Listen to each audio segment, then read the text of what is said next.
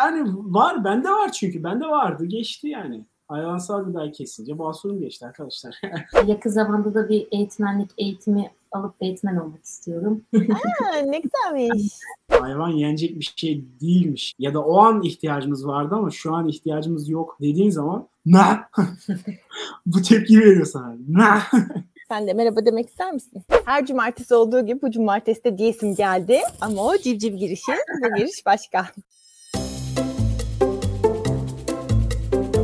Herkese yeniden merhaba. Yeni bir Kim Bu Veganlar'da bugün Oğuz ve Feyza ile beraberiz. Hoş geldiniz. Hoş bulduk. Hoş bulduk. Oğuz Büyükbaş ve Feyza Tosun Sayın Partisi'nden. Belki bizi e, son videoların hepsinde de aynı şekilde giriş yaptım. Çünkü hep Civ'deki daha önce Kim Bu Veganlar çekmemiş arkadaş, beraber çekmemiş olduğumuz arkadaşlarımızı konuk alıyoruz son birkaç bölümdür. Eğer bizi izliyorsanız biz Civciv Kreatif olarak her cumartesi günü saat 11'de canlı yayınlar yapıyoruz ve bu canlı yayınlara görmediğiniz arkada teknik destek veren, sonra bu yayınlardan parçalar alan yani bir sürü bir sürü iş yapan iki kişi var gönüllü olarak bize yardım eden. Onlar da Oğuz ve Feyza. E, burada şeyi söylemem gerekiyor. Bu işi gönüllü olarak yapılan bu işin büyük bir kısmını da Feyza gönüllü olarak istendi son zamanlarda. Yani ona, te- ona ayrıca teşekkür ediyoruz. Rica ederim.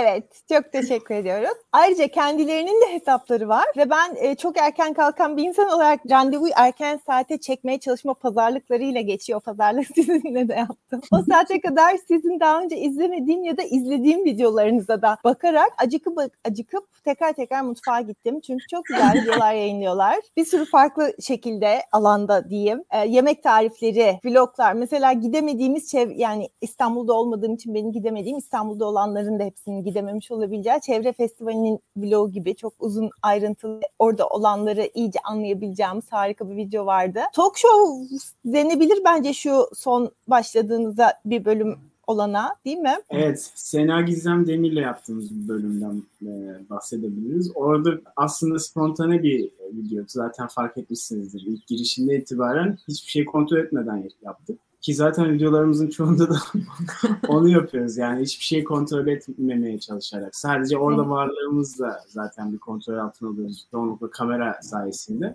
Ee, öyle doğal bir muhabbet içeriği oluşturduk. İnşallah onun devamını getirebiliriz. Çünkü gerçekten e, hem vegan içerik üreticileri hem vegan aktivistlerin anlatmaya değer hikayeleri oluyor ve insanların dinlemesini istiyorum. Evet. Ayrıca işleri de filmcilik olduğu için müthiş editlerle yapıyorlar bunları. Hem yani çekim kalitesi hem video kurgusu. Kurguyla montaj arasında bir fark var mı ya? Bazen kurgu bazen Ya montaj. aslında çok büyük fark yok. Sadece satılabilir yani endüstriyel anlamda birazcık fark var. Birisi eğer montajcıysa kendi fikrini katmıyor. Kurgucuysa kendi fikrini de katıyor. Ha, okey şu an bir şey öğrendik. Okey ama burada asıl amacımız sizi tanımaktı. Ben biraz böyle hemen kanalınızı ve hesabınızı tanıtma işine girdim ama Ya şöyle başlayalım mı? Feyza, aslında Feyza hem montaj yapıyor hem kurgu yapıyor. Hmm. Mesela bazı videolarımda benim zamanım olmayan şeylerde montajı ondan istiyorum. Çünkü fikrini katmamasını istiyorum. Ee, bazı videolarımızı tamamen kurgusunu da o yapıyor. Çünkü hani çekiminden kurgusuna kadar her şeyine kendi karar vermek istiyor. Ee, genel olarak hem kanalımız hakkında da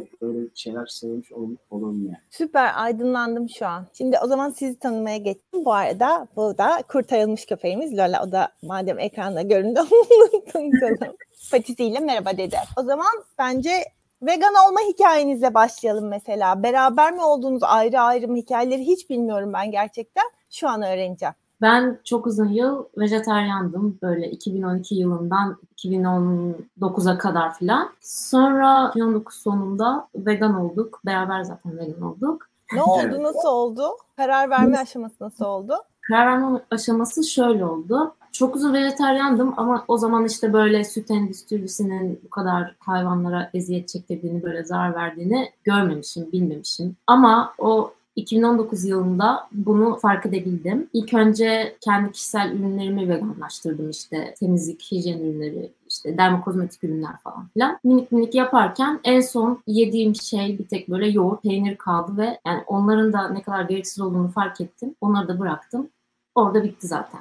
Aslında bir, birbirimize tanışmadan önce Feyza'nın vejetaryen şeyi var, geçmişi ve tamamen onun bana anlattığı şeyle mide bulantısı yani tiksinme üzerinden bir vejetaryenliği var. Hı. Hani hayvan sömürüsü ne e, farkında onun hayvan olduğunu ve yenmemesi gereken bir şey olduğunu çok farkında. Fakat bunu e, temellendirecek bilgi da şeyi yok. Yoktu aynen. Görsel, biz bir de görsel, Feyza da yıllardır görsel sanatlarla uğraşıyor. Ben de içindeyim. Biz bir şey gördüğümüz zaman inanan insanlarız aslında. Bir de fotoğraf eğitimiyle bunu iyice kanıksadık, normalleştirdik. Artık bir şeyin fotoğrafı yoksa buna inanmamayı tercih ediyoruz. Veya bir foto tam tersi söyleyebiliriz aslında. Bir şeyin fotoğrafı varsa inanılabilir diye düşünüyoruz. 2000'lerin, 2015'in 16'dan sonra herhalde e, bu görsellerin yaygınlaşmasıyla beraber işte bize 2019'da sirayet etti demek ki. Ee, özellikle Feyza ile benim birlikteliğimizin e, yılı da 2017. O süreçten sonra birbirimizi böyle ya şöyle mi oluyor, böyle mi oluyor, işte hayvan endüstrisi neler yapıyor,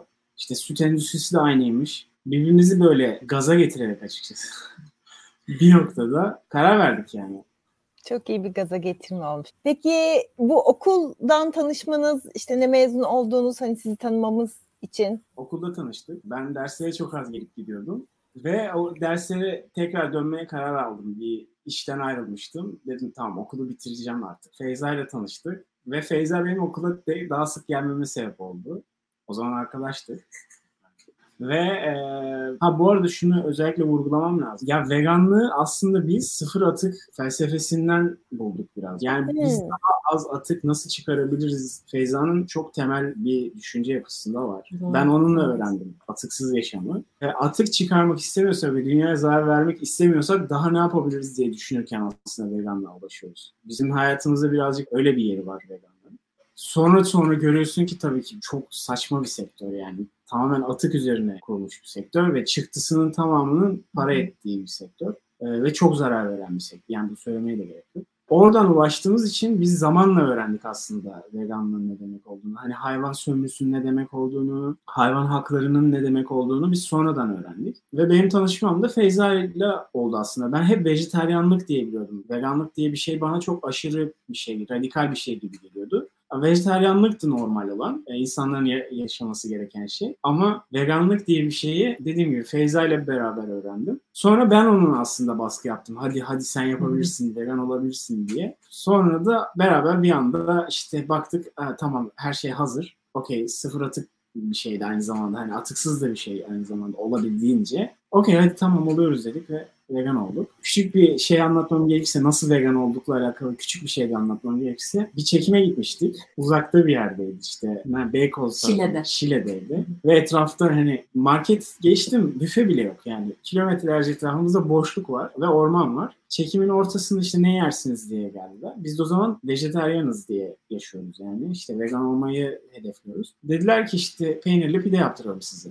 Tamam dedik. Kaşar peynirinden oluşuyordu full. Feyza acı çekti orada. Bir iki dilim yedi ve ben pidemin tamamını bitirdim. Ağır peynirle gelen bir pişmanlık sardı beni. Ve o sondu ya. Ondan sonra benim bir iki kere mecbur kalıp yani mecburiyet yine çekimler vasıtasıyla bir iki kere peynir yemişliğim var ama Feyza o gün bitirdi. Hmm. Böyle bir deneyimle başladık veganlığa. Son nokta vejeteryanlığın son noktası öyle konulmuş kokusu, yapısı bir hayvandan o onun yani onun bir hayvandan geldiğini daha da o an galiba hani idrak ettim yani. Hmm. Yani bu da oradan geliyor. Niye yiyorsun? Yemeğin içinde veya bir şeyin içinde az az olunca sanki böyle ta- takviye gibi kalıyor. Ama böyle sadece onu yiyince o zaman görüntüler gözünde canlanmaya başlıyor. Lan bunun için ne kadar süt tüketildi? O hayvan hangi hayvanlardan geldi bu? Bence sizde o altyapı o an çok oluşmuş. Onun da etkisi varmış ya. Çünkü mesela mıhlama mıdır Karadenizlerin hani böyle sırf peynir olan şeyler de var ya. Hani siz böyle çok hazırmışsın. Son bir noktayı bardağın taşması için son damla bekleniyormuş sanki belki de. Doğru, Bu arada hani neden vegan olduğunun genelde üç cevabı vardır ya. Yani ilk adımı atmak için işte hayvan hakları. Hani veganlık aslında o ama bazı insanlar sağlıktan bitkisel beslenmeye başlayıp ondan sonra hayvan haklarını fark ediyor. Bazıları da çevresel etkinliği, etkilerini fark edip ondan sonra veganlığa adım attıktan sonra hayvan haklarını fark ediyor. Genelde böyle hayvan, çevre ya da sağlık üçünden biridir ilk adım. Sizinkinin sıfır atık olması mesela ilk kez duyduğum bir hikaye değişik geldi bana. Yani ne kadar evet, doğru. genelde değişiksin diyorlar. Çok güzel bir değişiklik. Ya değişik olmak bayağı güzel bir şey. Bence bu dünyada hangi açıdan değişik olduğunu bağlı tabii de bunlar en güzel değişik olma açıları. ne mezunu olduğunuzu fotoğrafçılık şöyle bir cümle arasında geçti ama biraz evet. daha bahsetmek ister misiniz okulunuzdan? Güzel sanatlardan tamam. fotoğraf mezunuyuz ikimiz de. Ben daha devam ediyorum meslek olarak fotoğrafçılık ve video içerik üreticiliği yapmaya. Freelancer yapıyorum. Bir şirkete bağlı değilim. Ama Feyza yapmıyor. Aynen. Feyza daha çok Tahin Partisi'nin içeriklerini üretiyor. Veya o skilllerini kullanıyor. Evet, veya sana asistanlık bazen gerekir. Aynen. bir de harika yemekler yapıyor. Ha, evet. Yemek yapmayı seviyor. Her civciv yayınından sonra böyle bir e, cil ekibi olarak şu iki arkadaş dışındakiler olarak böyle bir onların masasını görüp oluyoruz çünkü tam yayın bitişinde onlar müthiş bir masayla kahvaltı ediyor oluyorlar. Öyle işte öyle bir anımız oluyor her hafta. Gerçekten denk geliyor ya. Denk geliyor. Saati denk geliyor açısından herhalde. evet. Peki YouTube'a nasıl başladınız? Tahin Partisi nasıl ortaya çıktı? YouTube'u, Instagram hangi amaçla, nasıl? Gelecekte neler planlıyorsunuz? Yemek yapmayı çok seviyordum ve yemek fotoğrafı çekmeyi de çok seviyordum. Bir Instagram hesabı açtık ilk başta. Ee, okurken yani okuduğumuz sırada yaptık bunu.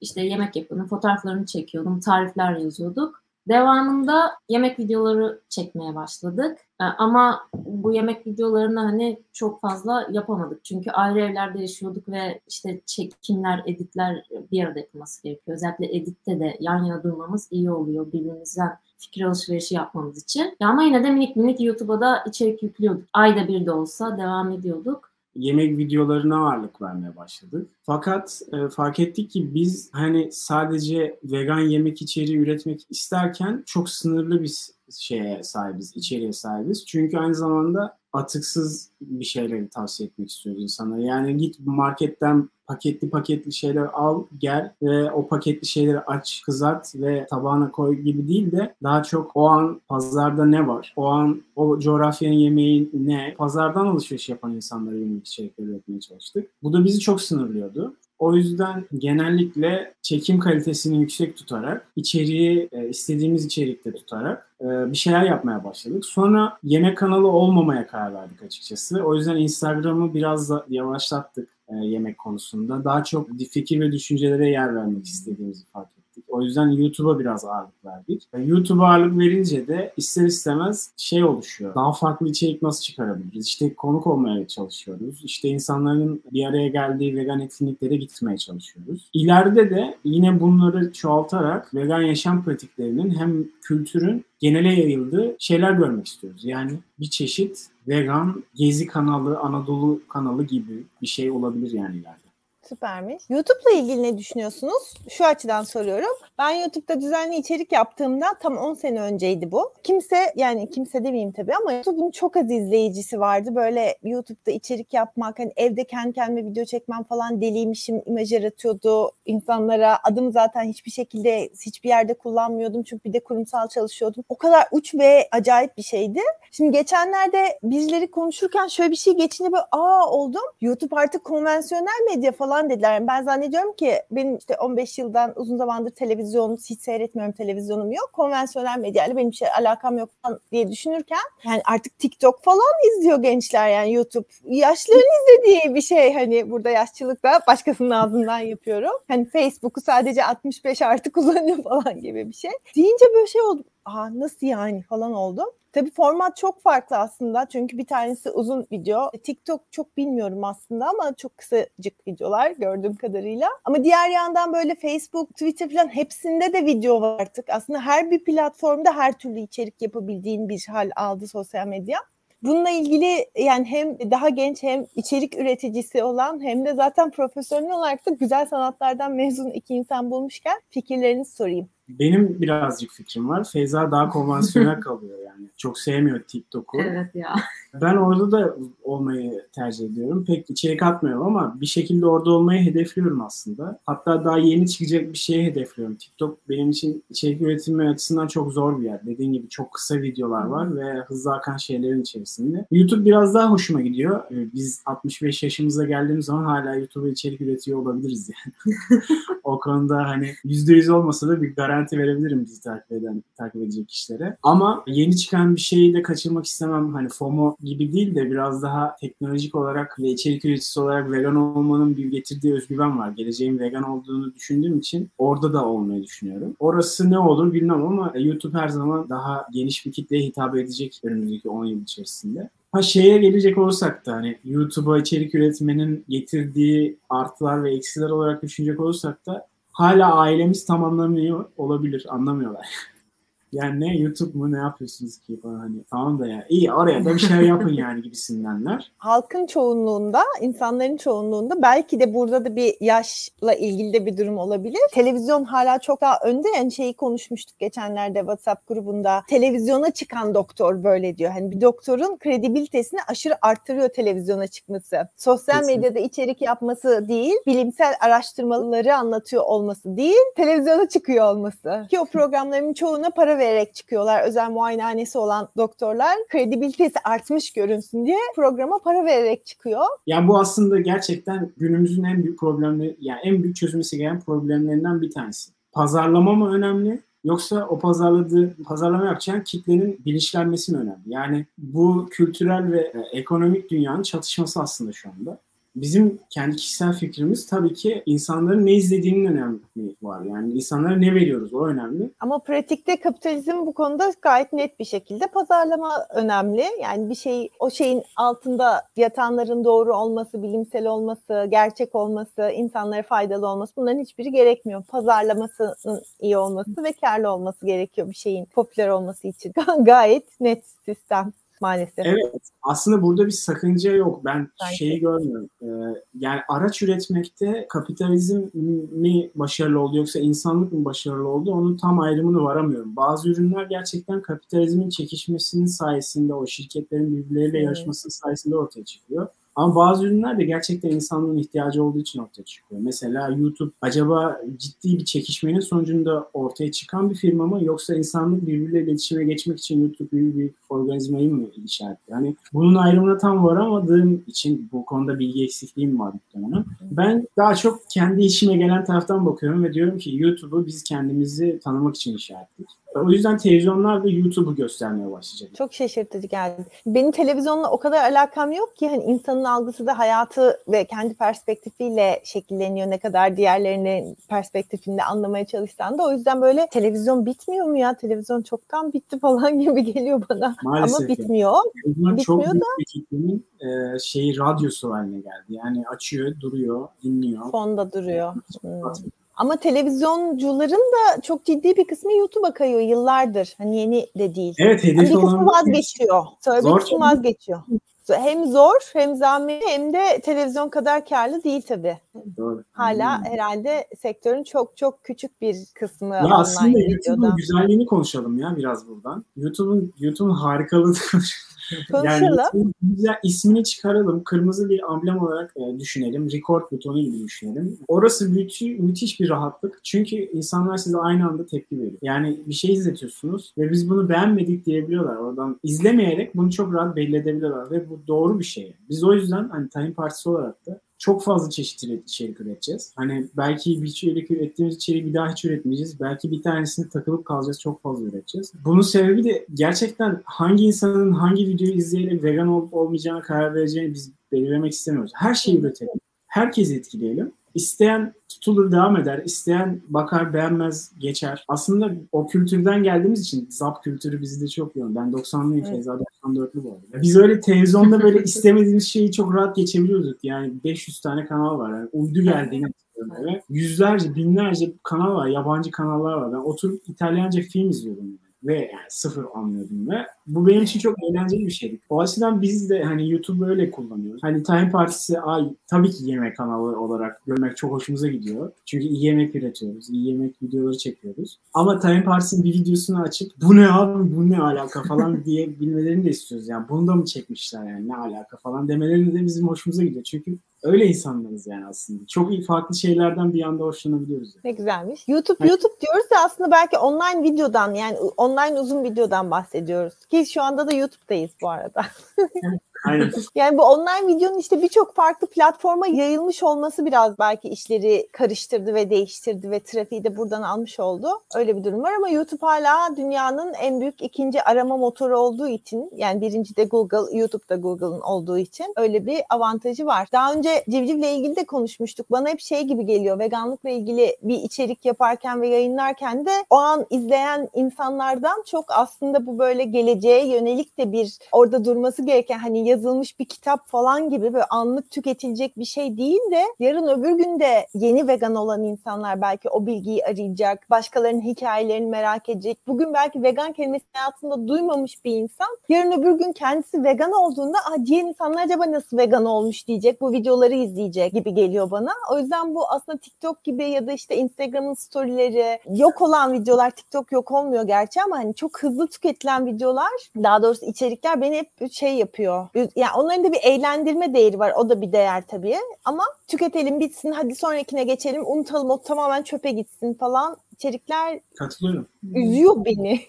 Katılıyorum. Aynı şekilde düşünüyorum. Fakat bize dev şirketler çok kısa videolar izle, hızlıca tüket falan derken aslında o kısacık sürelerde yaptığımız işlerle de kendimizi anlatabiliriz. Nasıl bir yerde olmak istediğimizi anlatabiliriz. İlla anneannemizin başının dibinde klarnet çalmak zorunda değiliz o kısacık videolarda. Bir çiçek çekebilirsin. Çok güzel bir bulut çekebilirsin. Yani o kısacık videolar aslında çok güzel yerlere gidebilir. YouTube da öyle. Yani veya uzun videolarda da öyle. Aynı şey yine orada da geçerli. İşte birisi AVM'de 24 saat nasıl kapalı kaldığını videosunu çekebilirken birisi trenin önüne koyduğu webcam'iyle Norveç'in güzel dağlarını gösteriyor bana. Yani şimdi birazcık insan bakış açısına kalıyor artık bu dünyalar, bu tür mecralar. Ama genel itibariyle uzuna yatırım yapan bence daha çok insana hitap etmeye ihtimali var. Çünkü bugün 1 milyon izlenmek birileri için önemli olabilir ama ömrü boyunca bir videonun çok daha fazla izlenme ihtimali daha fazla. Çünkü bugünün doğruları yarının yanlışları olabilir. Tüm içerik platformlarını olumladık. İyisi de kötüsü de yapılabilir her yerde. Onlar tabii platform.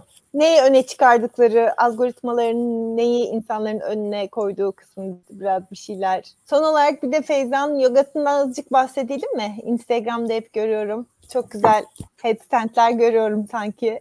Nasıl başladın? Ne kadar zamandır yapıyorsun mesela? Ben aslında pandemide devamlı yoga yapmaya başladım. Öncesinde böyle haftada bir gün iki gün ufak ufak yapıyordum ama yani genel olarak pandemide öyle her gün her gün her gün yapmaya başladım. Yani iki buçuk yıldır da düzenli hep pratik yapıyorum. Epey yani ilerliyorum böyle kendi başıma bir şekilde. YouTube'dan videolar falan. Hala da yapıyorum. Çok seviyorum yogayı. Yakın zamanda da bir eğitmenlik eğitimi alıp eğitmen olmak istiyorum. Aa, ne güzelmiş. Ya böyle çok seviyorum. İyi ki sormuşum bak yoga eğitmeni olacakmış şimdiden. Seni takip et bana ne kadar güzel şeyler yapıyor diyenler belki bir gün öğrencin olur. Çok çok iyi olur ya. İnsanlara da aktarmak istiyorum yani bu süreç benim için çok güzel bir süreç. Eğitim de alayım daha da güzel şeyler yapacağım bakalım. Sıfır atık yaşamaya çalışmayan biraz fazla atık üreten insanlara çok kızıyor musunuz? Kızıyorsunuz. tamam. Bizde olduğu kadar aslında hani atık çıkarmamaya çalışıyoruz. Hala bazı hepimiz şey... için. Ya hepimiz olduğu kadar da işte olduğu kadar eşiğimiz hepimizin farklı ya. Böyle birinin banyosunda plastik şişede şampuan görünce falan mesela kızıyor musun? Kızıyorsun. Kötü ya. Ben kızmıyorum ama. Bence kötü. Özellikle şey işte o şampuan mevzusu evet benim tam şey nokta. Bu da nasıl denk geldi de bunu sordum. Aynen. Zaten ben uzun süre no poo yapıyordum. Yani saçımı sabun hiçbir şey kullanmadan yıkıyordum. Şu bir ay önce katı şampuan kullanmaya başladım. Yani iki yıl oldu çünkü no poo yapalı ve saçlarımda bir değişiklik yapmam gerekiyordu. Artık sadece su ve e, bentonit kullanıyordum. Bunlar saçımda bazı problemlere yol açmaya başladı ama bu katı şampuan çok güzel bir şey. Yeni kullanmaya başladım. Bununla ilgili de video çekeceğim zaten bir. Katı şampuan çok güzel yani. Herkes onu kullanabilir bence. Tamam. Videoyu da bekliyoruz. O zaman konuk olduğunuz için çok çok teşekkür ederim. Ayrıca Civciv Kreatif için yaptığınız her şey için de çok çok çok teşekkür ederiz. Hep beraber teşekkür ederiz. Bence çok şahane bir ekip olduk. Biz bu arada o vesileyle tanıştık. Yani bizim desteğe ihtiyacımız var diye duyurmuştuk ve Oğuz ve Feyza gönüllü oldu. O vesileyle tanıştık ama WhatsApp grubunda sürekli çeşitli konularda konuştuğumuz için tabii birçok konudaki fikirlerini bildiğimiz insanlar olduk birbirimizin ve yani ne kadar da aynı kafada olduğumuzu fark ediyoruz bence sürekli. Çok teşekkür ederim geldiğiniz için. Biz teşekkür ederiz davet ettiğin için. Görüşmek üzere. Şimdilik hoşçakalın. Here she is.